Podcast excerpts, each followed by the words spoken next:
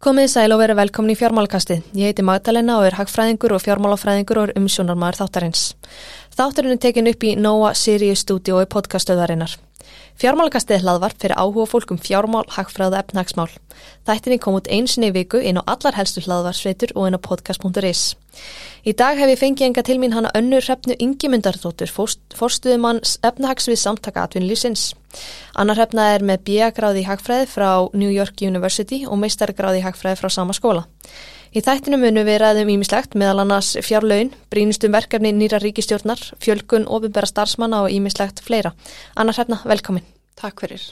E, í upphæð mánar það gáðu þið hjá samtökum atvinnlýsis út svona eh, grein þar sem þið tiltóku hver eru svona brínustu verkefni nýra ríkistjórnar og eitt af þeim atriðum sem þið nefnduð að ráðastyrti í er svona nöðsilegar úrbætur og umgjörð vinnumarkaðar. Er, hvað svona breytingamöndi þið vilja sjá þar helst?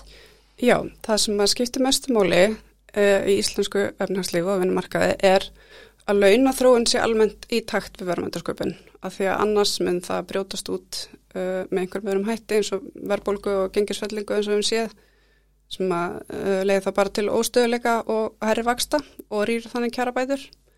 Þannig að endanum er alltaf aðalatrið að laun dróist í takt við verðmæntarsköpun og á öðrum norðurlöndum hefur það verið þannig að uh, útflutningsgreinar uh, gefa merkið, það er það, það svigurum sem er til staðar uh, til launahækana í efnarslífunu almennt. Og aðrar greinar fylgja í kjölfarið. En það hefur ekki verið þannig hér og ástæðan er meðlan svo að við erum með mörg og fámenn stjættafélög og ríkisáttasemiri hefur heldur ekki þau úræði sem að önnur Norðurland hafa til dæmis til að, að samena hópa og, og fresta aðgerðum. Þannig að okkur þetta er mjög jákvægt að sjá í stjórnarsáttmálanum núna áherslu á uh, umbætur uh, hvað þetta verðar. Og svo hefur þetta líka verið þannig hjá okkur uh, að hefur ofinbera hefur ofta tíðum leitt launathróun sem að er mm -hmm. auðvitað ekki farsælt að því að þar sem að framleginu aukningin á sér stað á almenna vinnumarkaðinum það er það sem að, að hérna, segir okkur hvert sögurum er og, og ofinberimarkaðinum þarf að fylgja því. Mm -hmm. Þannig að þú tilur að þessi vilja hjá stjórnvöldum að ráðast í eitthvað þessum breytingum? Já, mann er síndist aðlana á stjórnarsáttmálunum að þá er viljið til þess. Já, hérna nú eru kjærasamningar lausir á næsta ári og forsvarsmenn verkalýsfélagana hafa gefið út að þau munu sækja launa eitthvað í tengsli við háastar aukan. Eh, teluru að næsta kjærasamningslota verði erfið eða teluru eh, að það nái svona breið samstæða um að verða kaupmáttin? Reynslan segir manni að hún gæti orðið erfið, hún er þannig oftast. Uh, en það væri farsilasta niðurstaðan fyrir alla þetta ef það næðist einhvers konar sátt uh, um þetta sko bæði bara að, að það sé eitthvað skinsamlegt mat á sviðruminu sem er til staðar og launahekkunni sé í takt við það þannig að það þarf náttúrulega samstað um bara hver unveruleg staða efnæðslýsins er. Og þá auðvitað mjög misend eftir atvinnugreinum sem þurfti þá að taka tillit til en það hefur einmitt ekki verið þannig hér. Þó staðin sem er ólík þá er svona sami alltaf um að sama heilt yfir og svo eru ákveðnur hópar sem er alltaf að knýja fram uh, meira hækkanir og þá fer af stað þetta höfrungarhlaup en það skiptir líka máli að það er ekki verið sátt um umgjörðina og svona leikareglunar og þessi mörgu einhver stefna sem er ekki sátt um að fylgja Emitt.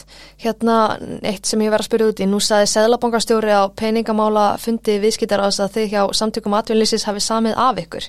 E, Tilur það, þegar kom, kemur að hagvakstar aukanum, tilur það að sé rétt mat? Eða? Það er auðvitað alltaf auðvitað lítið baksinni speilin mm -hmm. og en það gerði auðvitað engin ráð fyrir efnagsáfallið þessu tægi, þessu stærðagráðu sem við vorum að gangi gegnum. Mm -hmm. En samningar eru líka þannig að það er alltaf hægt að ef aðstöður gjör breytast, það er alltaf hægt að reyna að taka til til þess og, og endur skoða þá uh, hluti í samhengi við það þannig að það er ekkert sem segir að það var ekki hægt að setjast niður og, og reyna að ná einhverju vitrætni niðurstöðu. Einmitt, hérna annars eða nefndið í greininni um brínustu verkefnin var að það þurft að bæta rekstarar umhverfi fyrirtækja. Hvaða svona breytingar væri það helst sem þurft að ráðast í?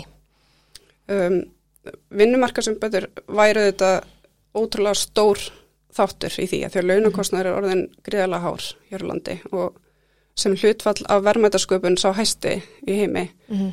en svo er þetta líka regluverkið sem er meira íþingjandi hér en mm -hmm. uh, viðast hver annar staðar og til að mynda eins og við hefum oft nefnt að, að OECD gerir sérstaklega úttækt á byggingariðin eða ferðarþjónustu sem mm. dæmi og lagði til, við minnum að það hafi verið 438 tilur til umbóta þar til að efla samkjæmnisæfni sem getur aukið hafugst um 1% og þannig eru strax bara komnar konkrétt tilögur sem væri hægt að fylgja eftir. Þið nefndu líka sérstaklega saminningu stopnana, þið, hafið þið eitthvað tekið saman hvaða stopnun það væri æskilegt að ráðast í að samina? Það er nefnt til dæmis í stjórnarsáttmálanum er uh, talað sérstaklega um samkjöfniseftiliti og neytindarstofu mm -hmm. og það er þá eitt gott dæmi og örgulega mörg fleiri tækifæri til þess um, en það tengis líka bara almennt punktunum um, sko sem við bendum ofta á er bara almennt um hagraðingu í ríkisregstri að hversu oft fer fram einhver úttækt á uh, kerfinu eins og það er í dag, þú veist maður er oft hérna eitthvað er ákveðið einhverjum tíma og svo heldur það bara áfram þannig og er einhvern veginn ekkert rínt, er þetta besta fyrirkomulegð í dag með að við alla þá þróun sem hefur orðið? Og það vantar svolítið upp á þessa vinnu hún var endar að hefjast hjá okkur, það er hérna endurmat útgjalda uh, sem flest önnur OECD-ríki hafa tilenga sér. Og við vorum bara að byrja á þessu núna að þrjum málflokkum og þetta er svona vinna sem við erum að leggja til að, að verði settur stóru aukinn kraftur í. Hérna það var margir sem fögnuði því hversu ábærandi vilji var í stjórnarsáttmálanum um eblingu nýsköpunar, er það ekki eitthvað sem ber að fagna? Jú, sjálfsögðu. Og það er að gera það með margvísleim hætti og margt sem hefur áunist þar á undarförnum árum. Og við höfum ekki verið uh, eins svona sterk á sviði nýsköpunar og mörganu lönd uh, svona senustu ár en það hefur verið að breytast og þetta mikil sókn í uh, útflýtningsgreinum tengdum hugverkaðinaði og öðru slíku. Þannig að það, það er ekki bara sko beinn stuðningur þetta er mjög jákvægt hérna, endurgræslu vegna rannsóknar og þróunar að því sé viðhaldið og svo eru þetta einhvers konar sjóðir. En hvað þetta var það þá skiptir líka mjög miklu máli bara almennt rekstarumhverfi og til dæmis að það sé auðvelt fyrir fyrirtæki í nýsköpun að fá hinga til lands erlenda sérfræðinga. Við erum auðvitað mjög fámenn þjóð og það er kannski ekki svo auðsótt að fá fólk til mjög sérhæður að starfa. Þannig að það var líka mjög gott að sjá þá áherslu í stjórnarsáttmálunum að auðvelda aðgengi að slíkum sérfræðingum. Hérna það skapaðist mikil umræði í síðustu viku um það hversu mikið ofinberum starfsmönnum hefur fjölga undarförnu. Eh, framkomað á síðustu fjórum árum hafi starfsfólk hjá Ríki og Sveitafélagin fjölgað um hvað var ekki 9000 en á sama tíma hafi starfsfólki yngageranum fækkað um 8000. Þetta er auðvitað, ég held að allir sjá þetta þrón sem auðvitað gengur ekki til lengdar. Uh, hérna, hvernig væri best að vinda ofan að þessari þrón? Sko sem við vorum aðalega að gera þarna var bara kalla eftir skýringum á því hvers konar störf þetta væru og eins og þú segir þá er þetta ekki sjálfbær þróun. Ef þetta heldur áfram svona þá er rauninni bara verið að riðja burt sko, störfum á, á almennum vinnumarkaði Uh, því að sko rannsóknir hafa sínt að, að til lengri tíma þá ofinbæra ráðningar auka ekki atvinnusteg heldur um eitt hérna, taka tilsynstörf frá almennumarkaðinum. Uh, þannig að það er mikilvægt að vita hvað liggur þarna baki að því að þróunin senustu ár, senustu kjörtfjömbili þá uh, var ofinbærum starfsmennum að fjölga meira heldur en fólki almennt í landinu og langt umfram náttúrulega fjölgun íslensks vinnuöfls. Þannig að það er mjög mikilvægt að tryggja það að ofinberi geirin sé ekki að taka til sín til dæmis uh, sérfræðinga sem að uh, ættu betur heim á almennu vinnumarkaði þar sem að verðmyndarsköpunum verður til og, og hérna, skatthækjurnar koma. Einmitt, uh, hérna, þið hjá SA bentu líka á að uh, lovorðum skattalækkanir í stjórna sáttmálunum væri svona frekar óljós. Svona hvaða breytingar myndi þið vilja sjá að ráðist veri í skattkerfinu? Já, það sem var svolítið óljóst þar var að það, það var að tala um að, að hérna ráðistir í skattalækanir eftir því sem svigrum í ríkisfjármálum lefði en uh, þá er spurningin er sko hvernig ætlum við að skapa það svigrum af því að með fjármáláallin þá lítur nú ekki út fyrir að vera mikið svigrum í ríkisfjármálum. Það er bara gerst ráð fyrir áframhaldandi viðvarandi hallarekstri. Mm -hmm. Þannig að þetta var svona full óljóst einhvern veginn að maður sá ekki alveg fyrir sér hvaða skatta voru þau að tala um og, og hvers konar svirum þurft að myndast. En við talum oft um, sko, eins og núna hefur verið að leggja áherslu á tryggingagjaldi. Það var hérna tímabundin lækkun í eitt ár. en þetta eru auðvitað skattar á laun, þannig að þetta er hefur hamlandi áhrif á atvinnusköpun og er íþingjandi fyrir ekstu fyrirtækja, sérstaklega með svona hán launukostnað. Þannig að það er eitt sem við myndum vilja sjá uh, að halda áfram uh, væri þessi lækkun og tryggingjaldinu. Hérna í morgublaðinni morgun þá var rætt við hann Ragnar Árnarsson, prófessor í Hagfræði við HÍ og þar sagði hann að það væri svona tælt að tæpast að vaði í ríkisfjálmálunum og skuldabyrðin væri mikið áhyggjafni. Ert þú sammála því eða eru vakstakjörin það hagst að þetta skipta ekki máli? Ég er sammála honum í þessu og ég held að við þurfum að varast það að horfa vakstakjörin eins og þau voru í einhverjum algjörum lágpunti sögulega og það er ekkert sem segir að vakstasti get ekki hækka og það hefur auðvitað þegar tekja að hækka bæði stýrivextir og bara águstunarkrafa á yrkiskuldabröfum. Þannig að uh, vaksta byrði okkar uh, þó að skulda hlutvalli sé ekki mjög hátt í samanbyrði við önnur ríki þá er uh, vaksta kostnæðurinn meiri þannig að sem hlutvall af landsframlegslu eru að borga þrátt verir látt skulda hlutvall tölvert mikið í vaksta kostnað og hann er orðin 50 stærsti útgjaldaliður ríkisjós og þetta eru þá þetta bara fjármunir sem er ekki hægt að veita í grunnþjónustu. Þannig að eftir því sem að vakstabyrðin eigst uh, þá þarf að fara að huga betur að forgangsröðun og hvar, hvar við ætlum að skera niður í grunnþjónustu móti. Þannig að það, uh, það þarf, mjög svona, það hefur verið full mikið kannski tómleiti gagvart þessari þróun og, og hvernig við ætlum að spyrna móti af því að áallinni sína að við séum ekki að fara að stöða skuldasöfnun fyrir eftir kannski fimm ár og þá er alveg treyst algjörlega á aukin hagvöxt og manni finnst kannski svolítið óabyrt að alltaf alfarið að treysta á aukin hagvöxt og kraft í atvinnulífinu til að bæta stöðu ríkisfjármála. Það þarf að grýpa til einhverja frekara aðgerða. Ef við ræðum að þessi fjárlögin, svona, hvernig líst þér á þau svona almennt? Hvað er gott og hvað er slæmt? Jú, það er auðvitað ímsar í ákvæðar áherslur að finna eins og í stjórnarsáttmálanum en þegar við vorum að rýna fjárlögin þá var það svolítið þetta sem ég var að nefna sem okkur fannst skorta á að uh, það, það voru engar sérstakar aðgerðir, þetta er rauninni bara svona framreikningur miða við uh, áætlanir og staðan eru þetta ekki góð, það er gert ráð fyrir 170 miljardar hallarekstri og maður svona velti fyrir sér uh, á sama tíma og Sælabankinu byrjar að hækka vexti og það er talað um að geti jafnvel myndast framleiðslu spenna í hækjuna á næsta ári hvort það sé umverulega ekkert uh, engin ástæða til þess að ráðast í neina hagraðingu, veist það er bara það er raun aukning í ríkisútgjöldum og, og hérna við erum bara vinn okkur upp úr uh, frekar djúbri kreppu. Þannig að á einhvern tímapunkti þá þurfum að sjá einhverjar aðgerðir af hálfu yfirvalda, þú veist það er ekki engunga hægt að treysta á að það verði mjög kröftur haugvöxtur sem að atunliðum en stand undir.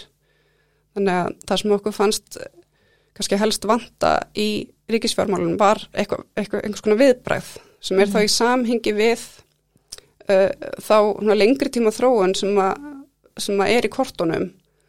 Og til að mynda þá var gefin út skýrsla um uh, lengri tíma horfur í ofnbjörnum fjármálum til 30 ára, núni í vor í fyrsta skipti sem er mjög jakvægt. En það endur speglast, sko það er áskorunni sem þar koma fram sem að tengjast meðlan annars öldrun þjóðurinnar. Um, það er hvergi að sjá sko í uh, fjárlögum að það sé verið að bregðast við þessu með einum hætti. Það er svona eins og vandamálun sé bara alltaf veld inn í framtíðina og, og treyst á að hagvasturinn muni uh, bjarga ríkisfjármálunum en, en uh, stjórnmálmenn þurfa líka að grípa til einhverja aðgerða til að tryggja að þróunin verði ekki ósjálfbær.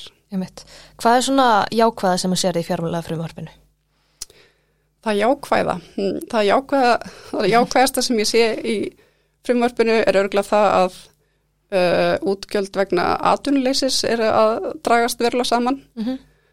og bara sá kostnæður sem við höfum séð uh, tengt þeim lið hefur auðvitað verið gríðalegur núna í ára og í fyrra mm -hmm. þannig að það er uh, jákvægt að staðan sé að batna þar sem að yngar þá útgjöldunum 10 miljardar Einmitt. Hérna í greininni þá rættið einnig um hérna uh, heilbreyðismálinn og þar fögnuði að er þið stjórnsetti við landsbytalan og engarekstur er þið aukinn eða allavega ekki dreið úr hannum uh, hérna en nátengt þessum heilbreyðismálum eru sóttvarnar aðgeri stjórnvalda og hérna ég held að það sé óvægt að segja að uh, það gangi ekki til lengdar að stjórnvöld setji íþingjandi takmarkanir og sendi fólki í sótkví hægri vinstri, uh, það einfallega getur ekki haft góð áhrif á fyrirtekin í landinu.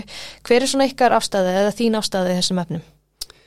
Já, ég held að sé bara rétt sem hún segir að auðvitað gengur það ekki til lengdar, það þarf að auðvitað meta þessar aðgjurir bara kosti og galla og auðvitað hefur kostnæðurinn af þeim verið mjög mikið, það bara endur speiklast í ríkisfjármálunum mm -hmm.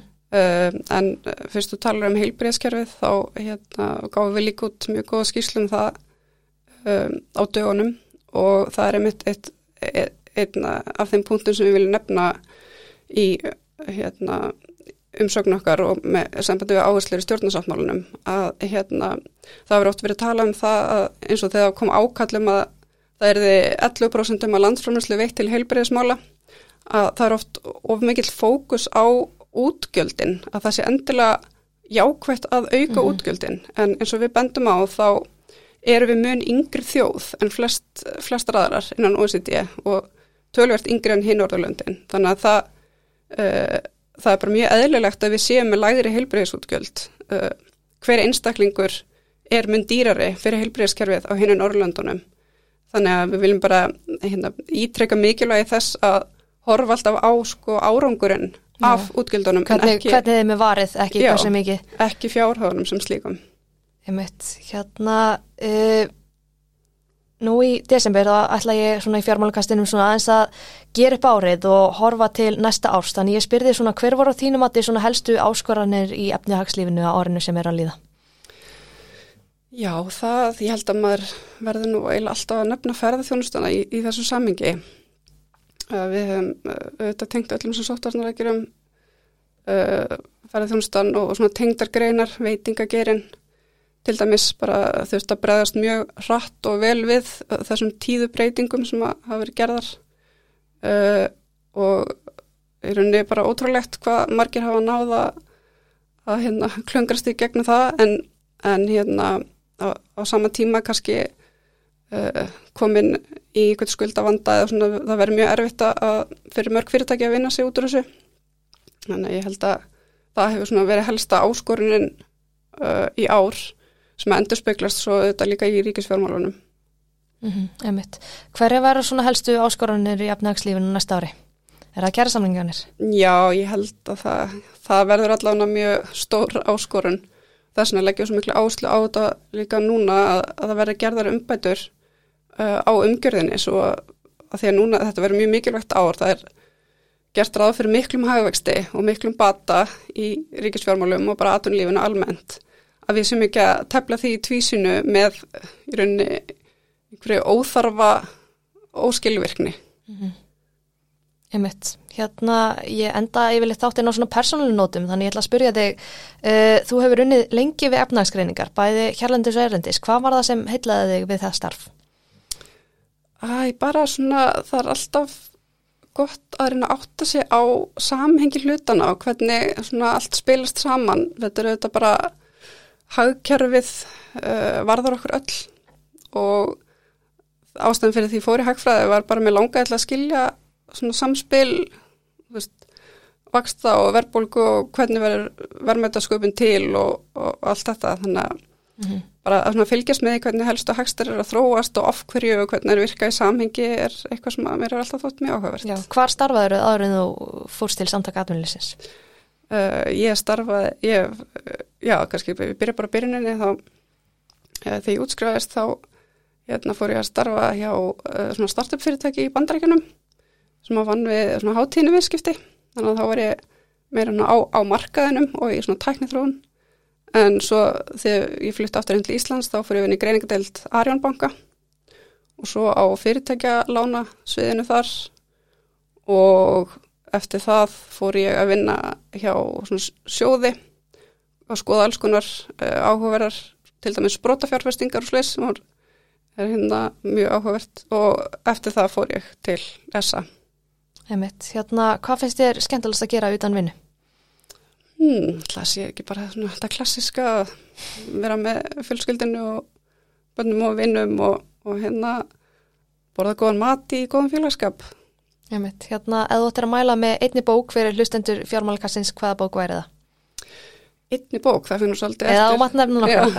Hérna, það finnur svolítið svona eftir áhugasviðinu.